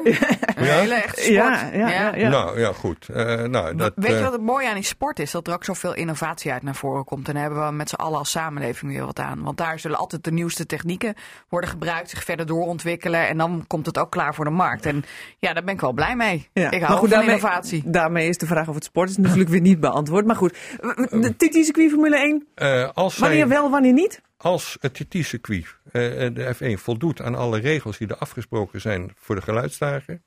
Als het bedrijfsleven dat eh, gaat financieren, dan zijn we er hartstikke voor. En qua ondersteuning vanuit de provincie in bepaalde dingen mag, maar dat hoeft niet financieel. Mhm. Het promoten is uitstekend. Ik ben er hartstikke voor dat het gepromoot wordt, om, om diverse redenen. Maar dan moet het bedrijfsleven er ook in, in als organisatie moeten het, eh, moeten het willen en doen ook. We hadden het er net al even over de N34. Moet hoe dan ook verdubbeld worden? U zei al, nee, dat kan, Nee. Ik, voor- kan ik voor u invullen. Ja. Ja, want? Want eh, er worden. één reden wordt gegeven, die speelde heel lang. Het was voorheen, speelde nooit de veiligheid. Dat werd altijd gezegd door Hen Brink. Die weg is niet onveiliger dan andere eh, wegen. Eh, natuurlijk is ieder ongeluk, ieder over doden is één te veel. Maar daar ging het niet om. Het was voornamelijk bedoeld de doorstroom van het eh, verkeer van, van Emmen af naar Groningen en dergelijke. Dat moest beter kunnen doorstromen en dergelijke. Om economische redenen zou die verdubbeld moeten worden. Nou, wij vinden dus dat eh, de, ten eerste van de veiligheid, dat is op een andere manier op te lossen. Eh, ik noemde een aantal op eh 80 kilometer te maken. Want je kan toch niet harder, want er rijden altijd vrachtwagens voor nu ook. Maak er maar 80 kilometer eh, weg van met eh, verbod voor inhalen. Het scheelt tussen 80 en 100, wat het nu is, scheelt het vijf minuten in het hele traject van Emmen naar Groningen. Mhm. Dus dat is eigenlijk weg. Je winst is dat je minder fijnstof hebt, minder CO2-uitstoot. eh, en dan gecombineerd inzetten op een beter openbaar vervoer. Het openbaar vervoer betaalbaar maken. Misschien de treinverbinding vanuit eh, Enschede door naar Groningen via Emmen, Stadskanaal en dan naar, Groningen toe. Dat je daar wat af kan vangen. Ehm, het voordeel is ook dat we niet de natuur hoeven aan te tasten. Je komt langs het Knippelsbos en de Strubben, waar een stuk van af moet gaan voor de aanleg van de weg. Je hoeft niet de mensen die er wonen, die er last van hebben, met name de mensen in Schipborg, hoef je last te vallen. Het geeft ook een oplossing voor de mensen in Kleindijk, kunnen we het inpassen. Dus er zijn tal van redenen om het op een andere manier te doen. Mhm. Ja, de N34 was dat. Ja, en eh, Wildlands, ook die staat op het stellingenlijstje. Stel dat Wildlands gered moet worden, wilt u daar geld in steken? Ehm, Vindt u dat de provincie er geld in moet steken? nou, ik moet eerlijk zeggen, genoeg is genoeg. Doe maar niet. Kijk, er zijn een aantal scenario's kan je doen. En je kan afvragen van, als het nou failliet gaat, het gaat nooit weg, het blijft natuurlijk bestaan. Mhm. Dat is klaar af wat er staat. Dan zal er waarschijnlijk een investeerder het voor weinig geld op gaan kopen, goedkoop te aankomen. Kan die het bedrijf eigenlijk doorzetten? En of dat nou een Chinees of dat het Henny van der Most is, ik weet het niet, maar ik noem maar wat op. Die kunnen het bedrijf voorzetten tegen een lager tarief en het toegankelijker maken. En dan moeten we het verlies nu maar nemen. Want ik denk zoals het nu eruit ziet, dat we het niet gaan redden. Vooral met de problemen met de WMD, hoe die erin staan op het ogenblik. Mhm. Eh, ja, de- schulden zijn zoveel geld. eh, en als je betaalt, we blijven, we blijven in de problemen zitten. Ja. Dus dan zegt u, laat maar failliet gaan en dan eh, een nieuwe opkoper maakt er wel weer wat van. Ja, of een andere op. Ja, dat denk ik dat dat, een, dat dat een van de reële oplossingen is. Maar heel veel partijen moeten dan wel verlies nemen. Hè? Het, het- Ja. het is niet, het- dit, dit is niet gratis. Hè? Als Nee. je zegt van uh, hou er maar mee op. Ja. Eh, dat kost ook een heleboel geld. Van overheid, ook overheidsgeld. Ook al ja, wat wel, geld. daar ben ik helemaal mee Met name, Jacob. eh, Maar gemeente Emmen natuurlijk. kost het ook geld. Ja, nee, En dat blijft ook geld kosten. Ja. Mm. Je kan wat verlies nu aan gaan passen. Maar dat, zoals het nu draait, zal het eh, in de loop van de jaren nooit rendabel worden. Goed. Zo komen we automatisch bij. Cassata, het radioforum. Ja, want u hoorde ze al. Agnes Mulder, lid van het CDA en eh, werkzaam in de Tweede Kamer. En ik woon in Assen. Jacob Bruintjes, eh, voorzitter van de Partij van de Arbeid eh, gewest Drenthe. En ik woon in het mooie Borger. Hartstikke goed. En Co Vester natuurlijk als onze tafelgast. Lijsttrekker van de onafhankelijke partij Drenthe bij de komende statenverkiezingen. Ja, ehm, het blijft maar rommelen op Groningen Airport Eelde. Daar wilde ik het even over hebben. Nou zijn de raad van commissarissen weer weg. Eerst waren er twee weg, nou is de rest ook weer eh, eh, afgeserveerd. Oneenigheid over hoe het moet met de toekomst. Wat is het probleem voor vliegveld Eelde volgens u mevrouw Mulder? Uiteindelijk moet je voldoende eh, aanbod en vraag van vliegen hebben natuurlijk. Ja. Bij ons in, eh, in Noord-Nederland. En dat hebben we niet. Nou, dat, dat blijkt heel moeizaam te gaan, waardoor eh, partijen komen en partijen gaan. En Ja. eh, dan moet je toch uiteindelijk gaan kijken van, kun je daar niet bezig nog verder gaan met die vraag? En dat moet toch ook voor een groot deel uit het bedrijfsleven komen. Ja. U denkt dat die vraag er nog wel is? Nou, ik denk dat je daar wel eens serieus naar moet gaan kijken. Hoe dat zich verder ontwikkelt en wat de verwachtingen zijn ook vanuit Noord-Nederland. Maar ik heb zelf ook in de Provinciale Staten gezeten. En ik, eh, de zakelijke vluchten zijn natuurlijk niet de enige reden waarom wij een vliegveld hebben. Hè. We willen natuurlijk een, eh, een, een echte goede economische infra- infrastructuur hebben. Daar Hoort bij je imago, zou ik bijna zeggen. ja, dat je heel toegankelijk bent natuurlijk. Maar eh, je moet ook eh, zorgen voor bijvoorbeeld vluchten voor medische achtergronden. Hè? Dat je organen snel hier eh, kunt krijgen. Het zijn niet de dingen waar je als Mhm. eerste aan denkt. Nee. Maar dan moet je ook kijken van, liggen er misschien nog mogelijkheden om meer met drones te doen? Want we hebben toch een vliegveld en dat zou zich daar ook verder op kunnen specialiseren. Er zijn wel ontwikkelingen voor de toekomst die nog wel ook perspectief bieden voor, voor het mooie eh, Groningen Airport Eelde. Ja, toch leek ik even te horen dat u een beetje het vertrouwen verliest of het wel goed komt. Is dat zo? Nou, ik, ik, ik zie dat natuurlijk heel veel gebeurt daar op dat vliegveld. Hè. Eh, deze ontwikkelingen, zoals u die net ook noemde, die zijn natuurlijk niet positief te noemen. Hè. Daar hoeven we niet omheen te draaien. Maar ik vind wel dat we het vliegveld de ruimte moeten bieden om met serieuze alternatieven te komen. Want ik zou niet zomaar het vliegveld willen opdoeken. Jacob Bruintjes? Ja, nou ja, het woord ruimte bieden vind ik hier wel eh, eh, van belang. Eh, eh, als je elke week gaat praten over wat er nou weer aan de hand is. Eh, er is gewoon een structuur met een raad van commissarissen. Er zijn aandeelhouders die zien daarop toe. Eh, en je kunt wel eh, bij elke, nu ook, hè, van er is oneenigheid in de raad van commissarissen. Maar ik weet niet waar die over gaat. Mhm. Wat die oneenigheid aan is. Over de toekomst. Ja, dat wordt toekomst. gezegd. Ja, Ja. Ik met mijn vrouw ook wel eens over de toekomst. En daar zijn we het ook niet altijd over eens. Dus dat- is maar de vraag. Hè. Wat, is nou, wat is er nou precies aan de hand? Eh, en ik denk ook dat eh, wel eh, ook vliegveld Eelde wel gebaasd zou zijn bij enige rust. In de zin van, jongens, laten we nou eens op ons gemak een aantal dingen gewoon bekijken. We kunnen niet van week tot week weer allemaal dingen roepen. En degene die nu al zegt van, nou, doe het gewoon maar dicht. Want dat vind ik wel, als je zegt, er moet geen geld meer naartoe, dat moet allemaal niet. Dan Ja, zeg je eigenlijk, de bocht. Sluit hem dan maar. Nou, zeg dan maar, sluit hem maar. Maar dat zou ik ook graag weten op van waarom besluit je hem dan. En dan, zolang we die discussie niet gewoon helder op tafel hebben, neem even de tijd. Eh, eh, kijk eens even heel goed wat er aan de hand is. Welke mogelijkheden, opties zijn, wat Agnes Mulder ook eh, aangeeft. En neem daar gewoon even de tijd voor. Want ik, ik heb nog even gekeken zo. als je even googelt, dat is, nou, elke maand is er wel weer iets over het vliegveld te Ja. melden. Ja. En ik denk, welk bedrijf zou op die manier kunnen opereren? En het is ook gewoon een bedrijf. Je ligt onder een vergrootglas. En we weten allemaal, als je met een vergrootglas kijkt, dan vertekent toch wel het perspectief een beetje. Dus hou Komt dat even ook niet omdat de, omdat de gemeenten en de provincie, omdat de politiek er zo in zit? Ze zijn aandeelhouders. Dat, zijn, dat is natuurlijk. Ja, we zijn aandeelhouders en dat wordt eh, door dagelijks bestuurders eh, eh, moeten daar dingen regelen. Maar vervolgens in de politiek is het altijd zo dat je als ze ook wel weer zegt van ja, maar wij moeten het controleren. En eh, eh, soms denk ik wel dat men vaak meer met, controleren bezig is dan met eh, kijken van wat men precies wil. ja. Dus laat me daar nog wat meer naar kijken. Laten politici en staten en raden kijken van wat, wat is onze visie? Hoe zien wij de toekomst? Wat is het beeld ervan? En laat bestuurders gewoon regelen dat dingen goed gaan. En als dat niet goed is, dan moeten ze afgerekend worden. Maar eh, daar moet je niet elke week over hebben, want dan krijg je een heel raar beeld. Meneer Vester, wat wil de OPD met Vliegveld Eelde? Nou, ten eerste wilden we niet langer eh, de vakantievluchten subsidiëren. Eh, we zijn, het is prima als er een vliegveld is, maar eigenlijk hetzelfde als eh, wat voor mij een beetje voor Wildlands eh zit. Dan moeten ze het zelf bedruipen, wat dan ook. En dat kan niet. We Zou je moeten het er willen iedere keer zou je Wat? sluiten, het vliegveld? Ja. Eh, een vliegveld in de zin van commerciële eh, Dat is vluchten. toch een eenvoudige vraag. Zou je het Ja, willen ja. sluiten? Eh, commercie- nee commercieel mag je het sluiten. Oké. Commercieel mag sluiten. De Maar vliegtuig wat blijft betekent bestaan. dat dan? Want, En via eh, de, de, de ambulance dienstvluchten zullen er vandaan blijven komen. maar dan ga je dus een paar mensen voor eh, die activiteiten in de lucht houden. Is ook niet gratis, hè? Dus dan moet je daar ook extra je portemonnee trekken. Want als die commerciele vluchten er niet meer zijn, dan kan je niet meer de kosten over diverse eh, kostenposten verdelen. Dus dan komt het alleen maar op dat soort zaken aan. Dan wordt dat veel te duur. Dan hebben we een probleem met onze medische gezondheidszorg in, in- in Noord-Nederland. Ik zou dat niet willen.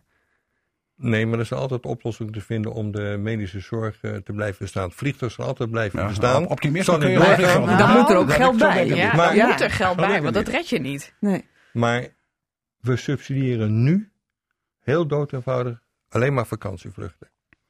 Bij iedere vlucht naar de vakantiebestemming zit subsidie van ons. En de andere vluchten waren de beroemde routefonds. Het kost alleen maar geld, geld, geld. En je mag afvragen, is ons belastinggeld daarvoor bedoeld? Mhm. Ik vind het prima dat het bedoeld wordt voor, als je zegt, voor medische vluchten en noodzakelijkheid. Dat is hartstikke goed dat het daar weer is. Daar moeten we het ook voor in stand houden. Maar en er zal ook altijd een vliegtuig blijven bestaan. Nou, dat is de vraag. Nou, dat, dat geloof Dat- ik dus Dat is de vraag. Als Nee. je, dat, dat is maar zeer de vraag. En als je zegt van nou, mensen die op vakantie willen met een vliegtuig, die eh, kunnen eh, zich vervoegen in Schiphol of eh, Düsseldorf. Nou, zeg daar ook gewoon Of duidelijk van. Lelystad. Oh, nou, voorlopig niet. En Dus zeg ook gewoon, beter ook gewoon duidelijk over. Zeg, nou, nee hoor, u kunt niet langer vliegen vanaf Hilde. Dat vinden we onzin. Dat kost te veel geld. Gewoon helder zijn wat je nou wilt. Dus ik, ik, ik- Maar goed, het is wel een vrij helder standpunt. Maar Nee, maar ik vind, ik vind het- het- sommige standpunten zijn ook wel vrij makkelijk. Eh, eh, eh, daar moet geen geld bij. Je vindt het Eh, Wildlands verantwoord moet, Wildlands moet geen geld bij. Eh, en dan zeg nou ja, en dan lost zich dat zelf in de loop van de tijd wel op. Eh, nou, op optimisme kan geen vliegtuig vliegen. Jij vindt het verantwoord dat we er 49 of 45 of 49 miljoen in stoppen om het een beetje op te leuken. Nee, ik vraag of jij het wil sluiten. Nee, het wordt niet gesloten. Nee, je wilt alleen handhaven voor het hoogst handhaven, noodzakelijke, zou ik maar zeggen. Ja, ja, dat is natuurlijk ook Ja. onbetaalbaar. Ja. Maar, Dus precies. dat, dat is geen scenario. Dat, dat is, eh, dat is wel een vreemde oplossing. ja. ja, die discussie. Eigenlijk zeg je Ja. dan gewoon, dan sluiten we het. En, eh, Ja, en, en Goed. dan Ja. horen die In het uiterste geval mag het, mag het voor mij nog sluiten ook. ja, ja. kijk, in het uiterste geval. En dan moeten we de definitie voor het uiterste geval nog zien te vinden. Maar dat komt later nog, denk ik. Nou, ik hoop het niet, Nou, gezegd. eh, maar, Ja, jouw jou partij doet aardig mee met Ik- mijn eh, standpunt. Ik, ik, ik, ik, wacht, ik wacht er even af. Dat de Partij voor de. Arbeid in Assen wil ook eh, stoppen met eh, het subsidiëren Als aandeelhouder. aan de Nou, aandeelhouder. die wilde- die En GroenLinks. Nee, die Als wilde- aandeelhouder. Nee, die wilde aandelen verkopen. Ja, ja, precies. Goed, ander onderwerp. Ehm, een opmerkelijk pleidooi van Microsoft, notabene. Ehm de overheid moet regels opstellen voor gezichtsherkenning. Ja, het heeft niet heel groot in nieuws gezeten, maar ik vond het toch een aardig onderwerp om eens even te bespreken. Want, zo zeggen ze zelfs bij Microsoft, anders loopt het niet goed af bij de, eh, met de samenleving. Ja, techniek staat niet stil. Eh, straks weten bijvoorbeeld winkeliers feilloos wanneer we voor het laatst in de winkel zijn geweest, wat we daar hebben aangeraakt zelfs. Zo voorspellen ze, wat we hebben gekocht in ieder geval. Ja, eh, willen we dat of zijn we daar bang voor? Is het goed dat de overheid daarover na gaat denken wat we technologisch op dat terrein kunnen? Agnes Mulder. Ja, techniek is natuurlijk niet waardevrij, hè? Dus eh, eh, heel veel mensen denken techniek, dat is objectief of zo, maar dat is het niet. Mhm. Dus eh, de aannames voor algoritmes en alles wat met digitalisering te maken heeft. Wat ze van je weten op Ja, internet ja, via je... dat heeft ja. altijd een bepaalde waardegedreven ja, inzet. En dat eh, als, je, als je dus allemaal techniek hebt van, eh, van westerse Europese bedrijven, dan verwacht je misschien nog dat onze waarden daarin verwerkt zitten. Maar ondertussen krijgen we ook steeds meer vanuit China en andere landen die weer andere waarden hebben eh, op heel veel vlakken dan wij. Mhm. En dan vind ik wel dat je regels moet gaan stellen. Want wij zijn misschien soms wel een beetje naïef ten aanzien van eh, hoe die techniek dan eh, al- allemaal gaat. En we zien heel vaak de positieve kanten. Maar die schaduwzijde van, eh, van die techniek, die zien we dan eh, pas te laat. Ja, Ja. en dan, eh, eh, voor je het weet, dan vissen we achter het net met elkaar. En dat vind ik echt onverstandig. Ja, Jacob Bruintjes, ben je er bang voor? Een beetje Nou ja, ik Big dacht, toen ik het Brother-achtig? hoorde van Microsoft, toen dacht ik van, een mooi oud spreekwoord is, eh, als de vos eh, de passie preekt, boer pas op je kippen. Mhm. Eh, eh, Microsoft die zich druk maakt over eh, eh, gezichtsherkenning, ik denk nou... eh, eh, volgens mij eh, eh, lopen we hopeloos achter de feiten aan. Er is onlangs ook een verleden jaar nog een symposium bijgewoond waar een deskundige zei van...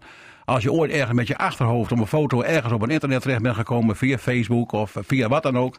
Dan is er al software die precies kan uitzoeken wie je bent, waar je woont, enzovoort, enzovoort. Dus dat is allemaal al zo. Dus je moet gewoon kijken van, wat kun je nog als overheid regelen dat er geen misbruik van gemaakt wordt, maar dat dit er is en dat het gebeurt, dat is gewoon een feit. Maar dat is toch heel zorgelijk? Ja, dat is heel zorgelijk, maar de vraag is wat je dan kunt doen. Ze vonden in Amerika vroeger, eh 100 jaar geleden, heel zorgelijk dat er te veel gedronken werd. En toen verboden ze de alcohol. En vervolgens kwamen er allemaal gangsters als El Capone die zeggen, nou dan regelen wij het wel. Ja. Dus wat kun, je, wat kun je daaraan doen? Je moet kijken waar je kunt reguleren. En dat zal nog best ingewikkeld zijn, denk ik. Ja. Dus en mensen moeten gewoon zelf ook heel goed nadenken. Wat ze allemaal van zichzelf bekendmaken op het internet. Want daar Nee, kijk ik maar- wel eens heel, heel verbaasd naar. We Professor? weten niet wat gebeurt. Ik ben net naar Amerika geweest. Kom je Amerika binnen, word je, word je gescand. Word je gescand. Door de douane daar. Eerst in de computer moet je staan, na de hand Ja. komt er in een fotobeeld. Ja. Ik kwam terug in Frankfurt. Ik denk, ach, gemakkelijk, mijn paspoort in zo'n dingetje kan ik automatisch in. Wordt mijn portret gescand en dergelijke. Ik loop naar het deurtje door. Ik zie ineens mijn foto levensgroot verschijnen. En dergelijke gezichtsherkenning. Het deurtje gaat open, ik moet doorlopen. Mhm. Zover is het al doorgevoerd, terwijl je het helemaal niet door hebt. Ja. Van waar het allemaal al zit. Maar waar, waar moeten de regels worden gesteld? Eh, heb je een idee? Nou, ik vind het in het kader. Ik, ik weet het, het is vrij nieuw, maar in het kader Ja. van je eigen privacy waar je mee zit, waar gaan ze mee aan de haal? Mhm. En dergelijke. Hoe ver eh, kan ik nog, eh, eh, ja, ik wil niet zeggen, me vrij voelen? Ja. Ik voel me voortdurend bekeken. Microsoft kwam hier ook mee omdat Amazon, waarvan ik denk dat is natuurlijk een concurrent, ehm, samenwerkt met de politie op gezichtsherkenning. Kijk, politie is natuurlijk zeer geïnteresseerd ook in, in, in waar wij ons bevinden en wie waar, wie waar zit op een bepaald moment. Je ziet in Drenthe ook al dat steeds meer camerabeelden steeds weer worden opgevraagd als er iets aan, aan de hand is. Heb is je dat, de reportage uit China gezien, hoe ver ze daar Ja, zijn? Ja. In straat? Ja, Ja. Met de gezichtsherkenning. Word je gestraft en beloond, hè? gestraft en beloond Ja, en rechten worden ontnomen. Ja. Als je, hè? Ja. Nou, dat dat maakt toch? duidelijk wat ik aan het begin over dit onderwerp ook Ja, zei. Het is, het is altijd op waarde gedreven. En Ja. dat hoeven niet per se onze eh, Nederlandse waarden te zijn. Dus ik denk dat we er nationaal mee aan de slag moeten. Maar ook Europees. Want eh, we moeten dit met elkaar gaan afstemmen. Dat internet is natuurlijk veel groter. Eh, het is ook heel gek als je je zou bedenken van eh, dat alle. eh, alle voorwaarden die wij hier aan elkaar stellen, zeg maar, hoe gaan we met elkaar om? eh, hoe gaat het met veiligheid? Dat we politie eh, allemaal taken geven hier, gewoon in onze fysieke wereld. En hoe zit het dan op internet? Nou, ze zijn in Twente al heel duidelijk bezig op internet. Hè. De politie is daar mee bezig om daar eigenlijk net zo te handhaven. Want het is heel raar dat je dat handhaven wel doet in, eh, ja, in deze wereld, zeg maar, waar wij nu in zitten om met elkaar te praten. Maar alles wat digitaal is, doe je dat dan niet. Hè, want het is zo groot wereldwijd web, dat hoe, hoe ga je daar allemaal eh, die controles en alles doen? Dus dat, dat is gewoon een hele spannende. Ja. En met deze discussie zijn we nog maar amper begonnen, denk nou ik. ja, is daar wel genoeg aandacht voor? Dat nee, vraag vind ik, inderdaad Nee. ook vind ik volstrekt niet. Nee. En je hebt wel goede rapporten van het Ratenau-instituut hierover. En ik denk dat we eens echt met elkaar die discussie als samenleving moeten aangaan. Wat willen we wel en wat willen we niet? Ja. En waarom gebeurt dat niet? We, we hadden een tijdje dat iedereen dacht 1984, Big Brother. En, en toen leek daar wel een soort besef van te zijn. Maar nu zijn we technologisch veel verder. Ja, het blijft wat hangen in de enge eh, discussie over, eh, en, en bedoel ik de smalle discussie over je privacy van wat je wel en, en, en niet deelt, terwijl er een hele grote wereld achter zit. En daar moeten we het veel meer over hebben. En daar moeten we onze waarden ook in eh, vasthouden en met elkaar eh, voor gaan knokken op een goede manier. Hè? Goed. Ja, maar toch is de, de, opkomst van Facebook en dat soort zaken ook, maakt ook een einde aan de illusie dat wij alles privé kunnen houden. Ja. Dat kan ook niet. Dat is geen fijn eh, om mee af te sluiten, maar we doen het toch maar wel. Jacob Bruintjes Ja, ja. van de PvdA, Agnes Mulder van het CDA, Co-Vester van de OPD. Dank jullie wel voor jullie komst in ons forum. Tot zover Casata van vandaag. Zometeen eh Ruben Koren in Volkoren. Radio Drenthe. Je luisterde naar Casata. Dat is te beluisteren als radioprogramma op zaterdagmiddag, maar sinds kort ook als podcast. Net als het radioprogramma Drenthe Toen. Vond je dit nou interessant? Geef ons dan 5 sterren en laat je beoordeling achter. En vertel het natuurlijk aan vrienden, familie en collega's, want daar help je ons mee, zodat we nog meer luisteraars kunnen bereiken. Tot volgende week.